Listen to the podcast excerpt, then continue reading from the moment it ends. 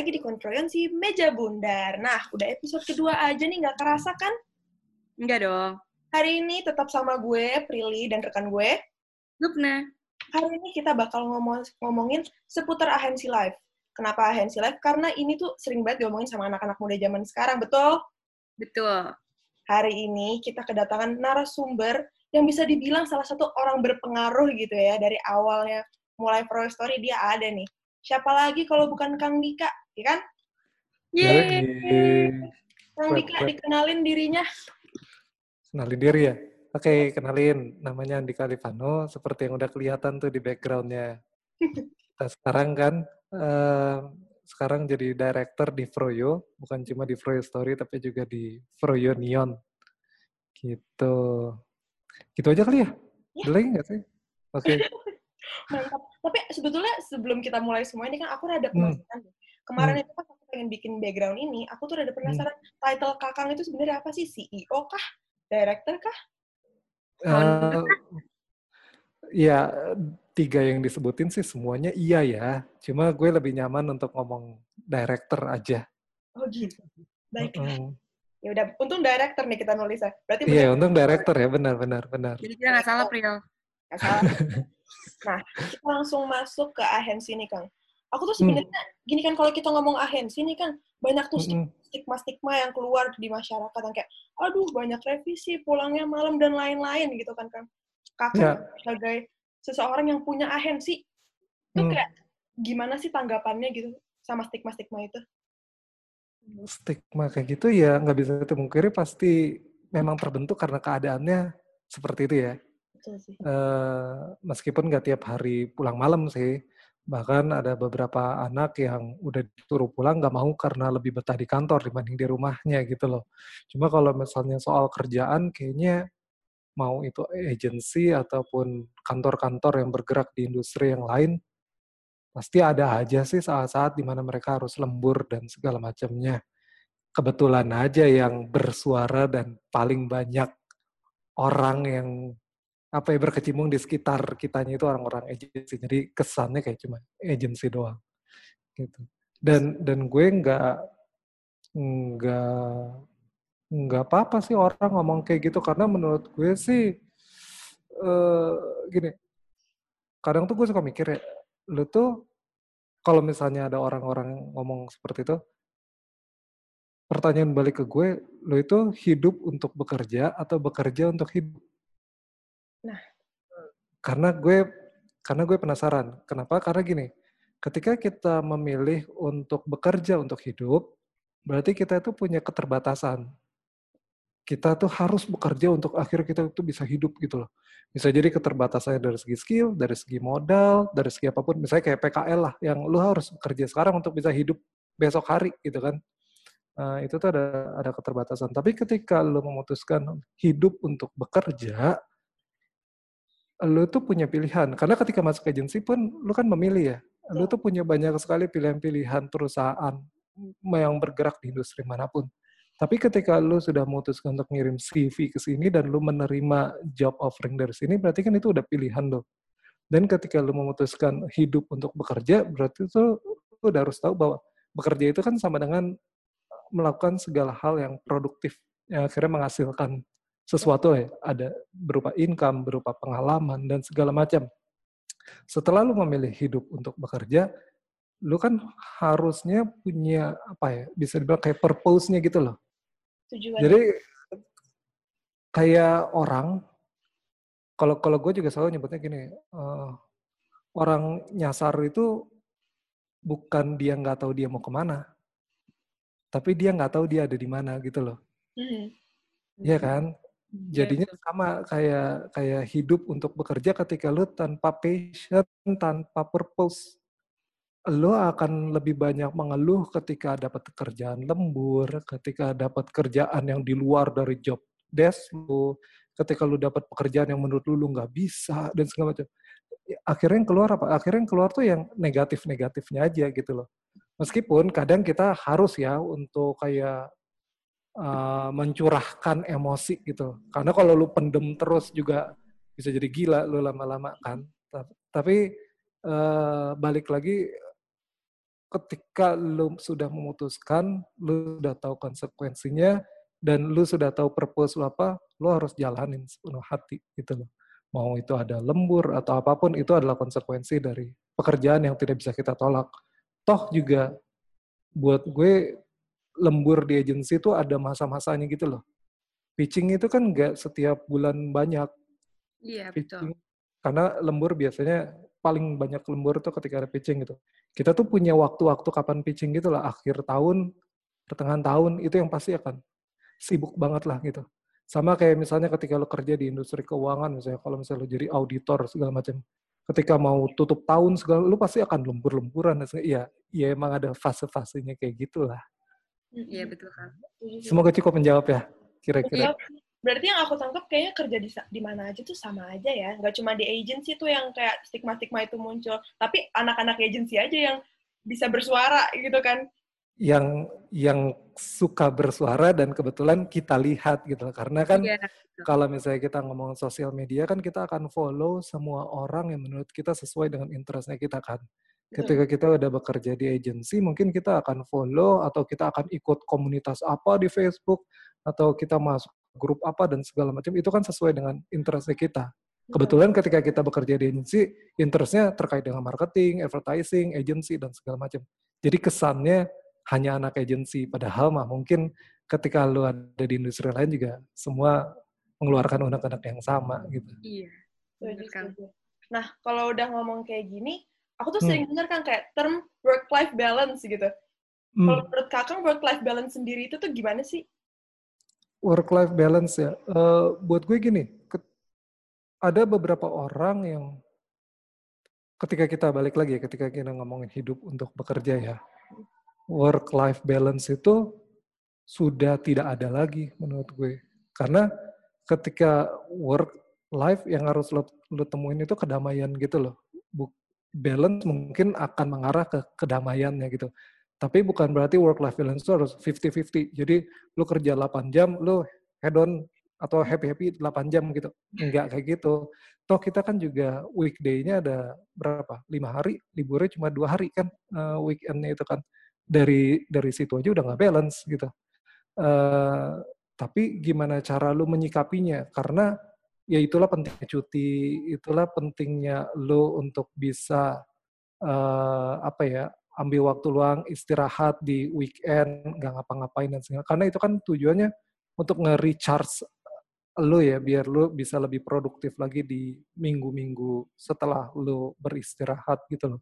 Jadi kalau misalnya kita ngomong work life balance di zaman sekarang buat orang-orang yang justru ambisius dan segala macam buat gue sih mereka akan lebih mementingkan work gitu dan bahkan ketika kita WFH yang pertama-tama tuh Mm. mungkin itu lebih banyak kayak gue harus ngapain ya gue kebanyakan diem di rumah bosen dan malahan jadinya pengennya bekerja gitu loh Iya, iya. jadi sebetulnya tuh ada saat-saat di mana memang lu peak-peaknya harus bekerja ada saat-saat di mana lu benar-benar harus kalau kemarin pas kita weekly apa slow living nah, lu udah harus ya udah nafas dulu biar seger lagi biar itu eh, tanpa harus kita ngomong soal work life balance lah menurut gue.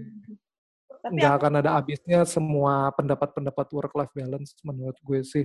Yang penting lu eh, kerja lu sesuai dengan purpose lu lu juga bisa beristirahat dan lu juga bisa menikmati hidup menurut gue sih udah gue nggak tahu apakah itu sebutnya work life balance atau apa ya tapi buat gue yang penting sih kedamaian sih ketenangan Tenang. Lebih kayak menemukan ketenangan di tengah-tengah hiruk pikuk itu ya, Kang? Ya, ya, ya benar. Karena ketika lo bekerja pun, ya bekerja misalnya 8, 9 jam, 10 jam, ada saat-saat di mana lo juga pasti meninggalkan pekerjaan lo sendiri, mungkin lo bengong atau apa pun itu. Itu kan cara eh, beberapa orang untuk nge-recharge dirinya sendiri di tengah rutinitas. Ya maksud gue rutinitas kan selalu berjalan seperti itu aja. Dan kadang kalau misalnya kita hidup di kota ini, segala sesuatunya kan berjalan cepet banget ya. Ya Iya, bayangin ketika lu puasa, eh, lu ada di rumah sama lu ada di kantor, pasti lu kayak kalau di rumah tuh kayaknya gila jam 6 lama banget ya. Tapi kalau di kantor tuh kayaknya kayak baru duduk udah jam 6 lagi gitu kan. Ya, Betul. ya gitulah. tapi aku ngeliat kakaknya orangnya kayak kalau menurut aku ya dari pandangan aku ya meskipun Hmm. tadi kakang bilang work life balance itu susah tapi kakang tuh orang yang balance gitu kang. Kayak aku Hmm. ngeliat kakang bisa lari 14 kilo guys. Bener-bener 14 kilo dia lari keren banget gitu. Terus naik sepeda. Itu kalau menurut aku kayak terus tapi kakang di kantor juga in charge of ini itu bantuin kita ini itu gitu. Menurut aku itu sesuatu yang balance gitu.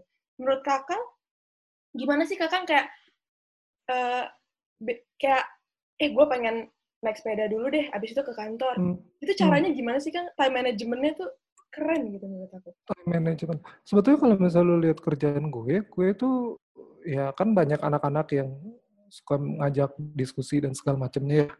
Mau itu udah terschedule ataupun tidak terschedule gitu. Bisa tiba-tiba WhatsApp, Kang mau ngobrol, Kang pengen tahu ini dong, Kang pengen diskusi dan segala macamnya. Gue itu hampir tiap hari ketika WFA ini mungkin dari jam 10 sampai jam 10 malamnya lagi tuh kayak kemarin tuh baru selesai meeting aja sekitar jam setengah sebelas jam 11 malam gitu loh.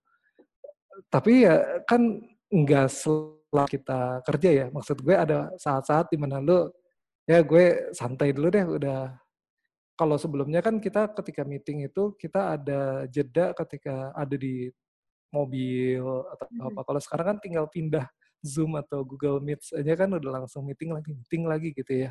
Iya. ya ya udah gue sih nyikapinnya ketika gue udah bilang ke anak-anak gue nggak bisa diganggu di jam segini karena gue mau kayak gini gitu.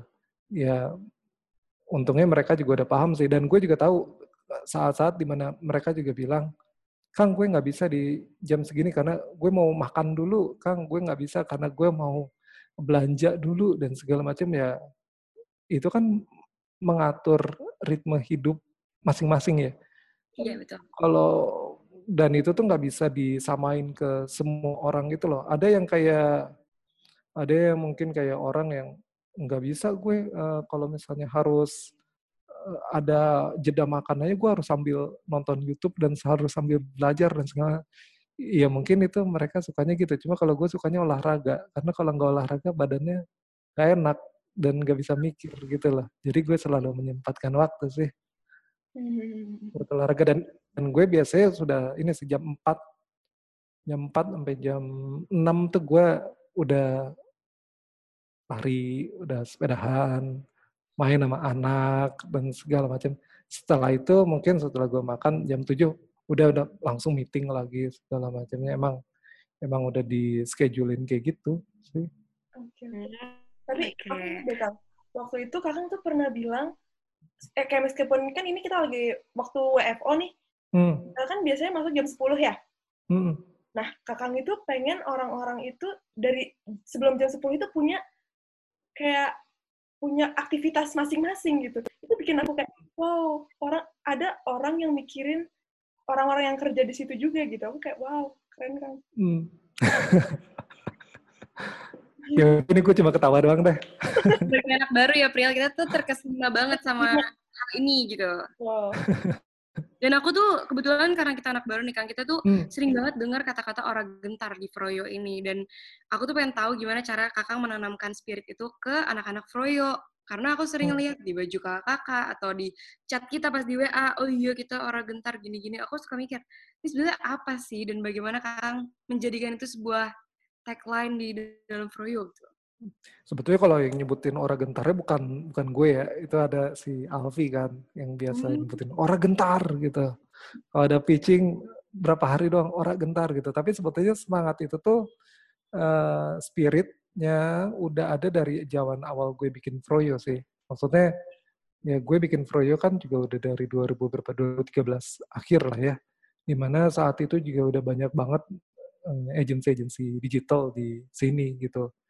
Dan dengan waktu itu berdua eh, gue kalau sekarang kan ketika kita ketemu klien kita kayak rombongan ya. Mungkin minimal lima orang gitu yang ketemu bisa 10 orang gitu ketika ada pitching atau misalnya eh, diskusi bareng klien.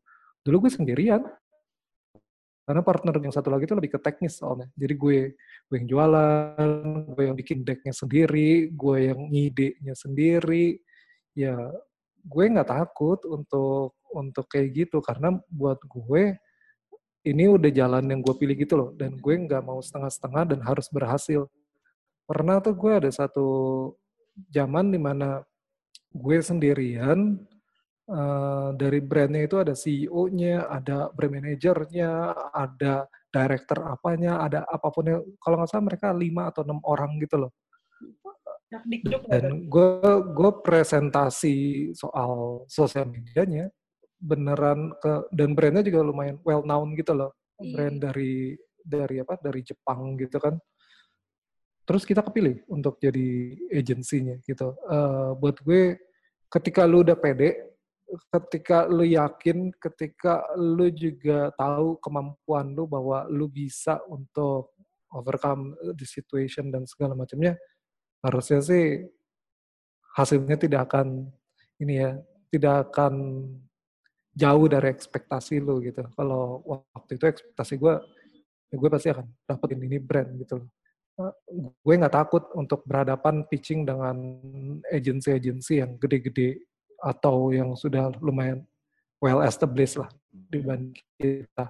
Dan itu juga yang gue tanemin ke anak-anak semua gitu loh. Bahkan ada ini, satu ketika di mana ada, ketika Froyo awal-awal gitu ya, ada anak yang gue minta untuk pitch dan dia yang present itu ketika di liftnya klien.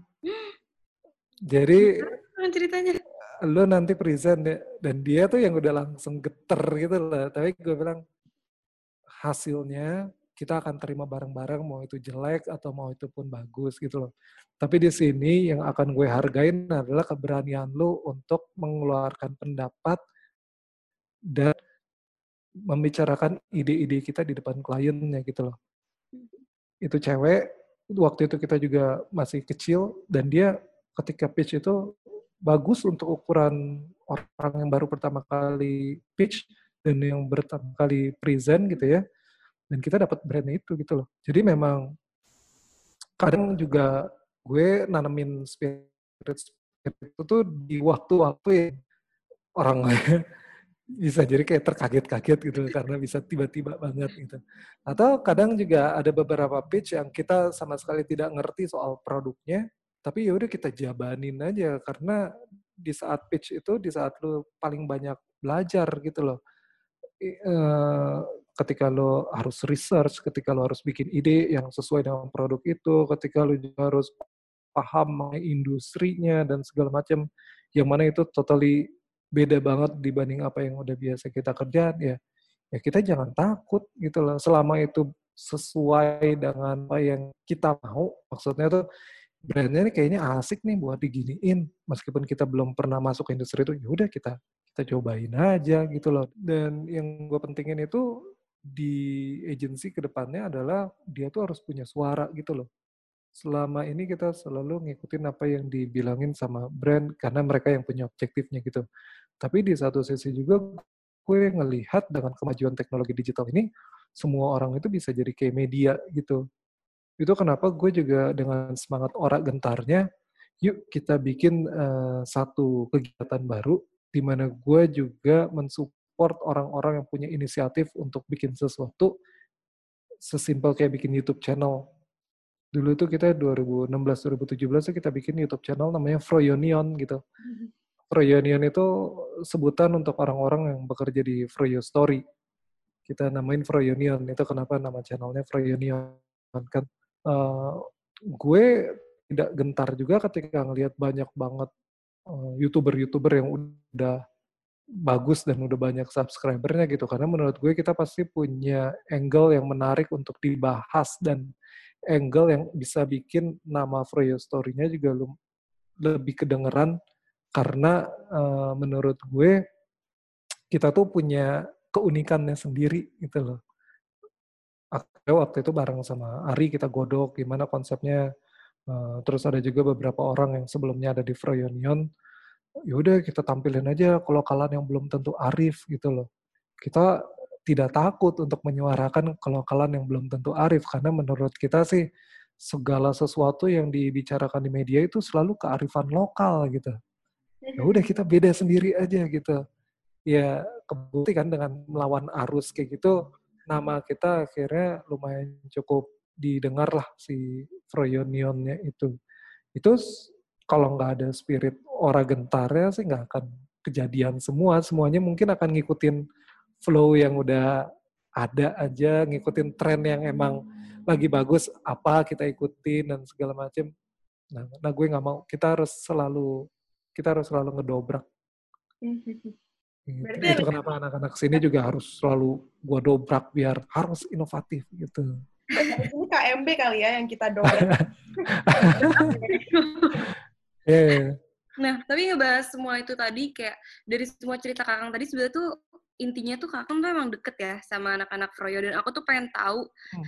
uh, gimana sih cara Kakang sebenarnya menjaga keakraban Kakang dengan anak-anak Froyo itu. Hmm, ini pertanyaan yang sebetulnya cukup sulit sih, nak. Karena Kenapa? ada bedanya ketika kamu menjalankan bisnis di fase awal dengan fase yang mungkin sudah lebih mature. Hmm. Ketika di fase awal itu kita cuma sedikit orangnya, uh, kantornya juga kecil banget gitu ya. Jadi paling cuma berapa kantor pertama kita tuh cuma muat enam orang. Kantor kedua kita itu cuma muat sekitar 10, 10 juga nggak nyampe kantor ketiga kita itu muatnya mungkin 18 orang, 20 tuh udah sesek gitu. Di kantor yang paling baru ini, yang sekarang ini, itu tuh pas kita pas kita sewa si kantor ini tuh cuma muat mungkin sekitar perkiraan kita ya, sekitar 40 sampai sampai 50 gitu loh. Dan dan sekarang udah hampir dua kali lipatnya dari itu kan, udah dua kali iya. lipatnya yep. gitu loh. Jadinya kita juga udah mulai mulai mikir-mikir itu dari segi kantor gitu loh. Dan ini ternyata refleksi juga dari segi orang-orang yang ada di Free Story-nya karena kalau misalnya dulu kan dengan kantor yang kecil dan orang yang nggak begitu banyak, lu kan bisa jadi tahu siapa nama bapaknya, siapa nama ibunya, kerjanya sehari-hari apa, terus kesukaannya dia apa, makanannya apa yang dia paling seneng, terus juga kita suka hangout bareng sekali hangout misalnya masih bisa tuh di Ino atau misalnya di Happy Papi kalau misalnya kita karaokean muat satu ruangan gitu. Coba bayangin sekarang. Buru-buru kan muat satu ruangan gitu loh. Uh, dulu tuh kita gini yang sempat nih ada satu satu momen di mana gue minta semua anak-anak yang ada di Froyo yuk uh, ini masih tetap dengan spirit orang gentar ya. Kita jalan-jalan satu kantor tapi semuanya pakai piyama ya. ya kita jalan. Ya, inovatif banget kan gitu. Ke mall, terus kita jalan ke ada kayak hutan bakau gitu di pik gue lupa namanya. Eh mang mangrove, mangrove. bakau sama kan ya? Ya pokoknya itulah di pik kita jalan dan semuanya itu pakai piyama dan dan anak-anaknya itu pada semangat gitu untuk gue pengen beli piyama yang ini ah gue pengen pakai piyama yang celana pendeknya bener-bener kayak boxer buat buat tidur ah dan segala dan dan gue tuh kayak bilang eh, nggak uh, usah takut ketika lu terlihat berbeda dibanding orang-orang lain gitu loh. Hmm. Ketika ada sekumpulan orang yang pakai piyama ke tempat umum, ke mall gitu ya, nggak usah takut dilihat beda karena memang kita harus terbiasa untuk terlihat beda gitu. Karena ketika lu tidak terbiasa untuk terlihat beda, tidak ada sesuatu yang inovatif. Nah, itu kan kedekatan yang akhirnya bisa bisa kerasa gitu loh bahwa gue sebagai bisa dibilang leadernya juga mau untuk sama kayak mereka pakai piyama dan segala macam. Terus mereka juga bisa cepat untuk ada curhat apa pun mau itu curhat soal pacar kayak mau itu curhat soal keluarganya kayak itu semuanya sangat-sangat gitu loh. Meskipun di saat ini gue masih selalu ingin waktu untuk segala hal yang tidak related banget dengan kantor, tapi kayak ada keengganan gitu loh dari anak-anaknya karena mungkin memang secara jaraknya jadi terlalu jauh gitu. Ini gue rasain sendiri ya. Maksud gue, meskipun ya gue kayak sama kalian gitu ya, lu WhatsApp gue kapan aja, meskipun gue balasnya suka tengah malam ya. Uh, tapi kan selalu gue balas gitu loh. Dan anak-anak pun harapan gue tuh kayak ya lu deket dong sama gue. Lu bisa lo ngobrol sama gue tapi kayak segan takut dan segala padahal harapan gue tuh nggak nggak sampai ke situ. Tapi memang mungkin secara nature-nya karena mereka juga udah punya atasan-atasannya sendiri mungkin.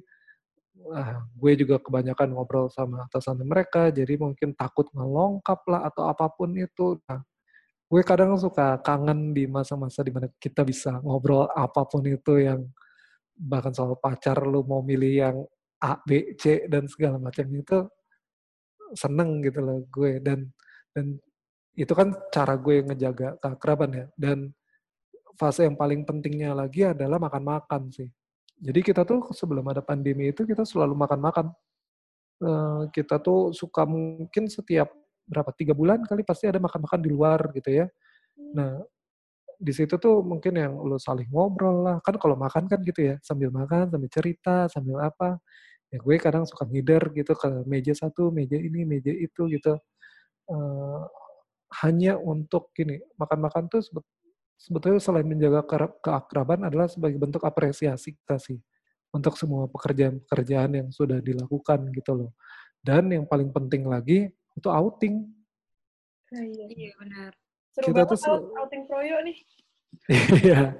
Jadi kalau kalau lihat patternnya outing proyo itu selalu ke tempat-tempat di mana yang gue udah pernah kunjungin dulu sebelumnya gitu loh. Mm-hmm. Karena buat gue gini, ketika gue senang, ketika gue bahagia, ketika gue happy, datang ke tempat itu, gue pengen anak-anak yang bareng sama gue juga uh, bekerja di Froyo juga ngerasain hal yang sama dengan apa yang gue rasain gitu loh. Itu kenapa gue itu selalu kayak ya udah yuk kita usahain banget lah untuk datang ke sini. Kita usahain banget untuk mereka bisa merasakan experience yang sama seperti apa yang uh, gue rasain gitu. Itu tapi kita juga tahu ada step-stepnya gitu loh. Nggak bisa misalnya kita kemarin baru outing ke mana misalnya ke Jogja, terus tiba-tiba kita longkap langsung ke ke Korea gitu. Nggak bisa kayak gitu juga. Maksud gue hidup itu kan berproses ya. Ada kita sekolah aja ada kelas 1, 2, 3, SMP, SMA, dan segala macamnya gitu.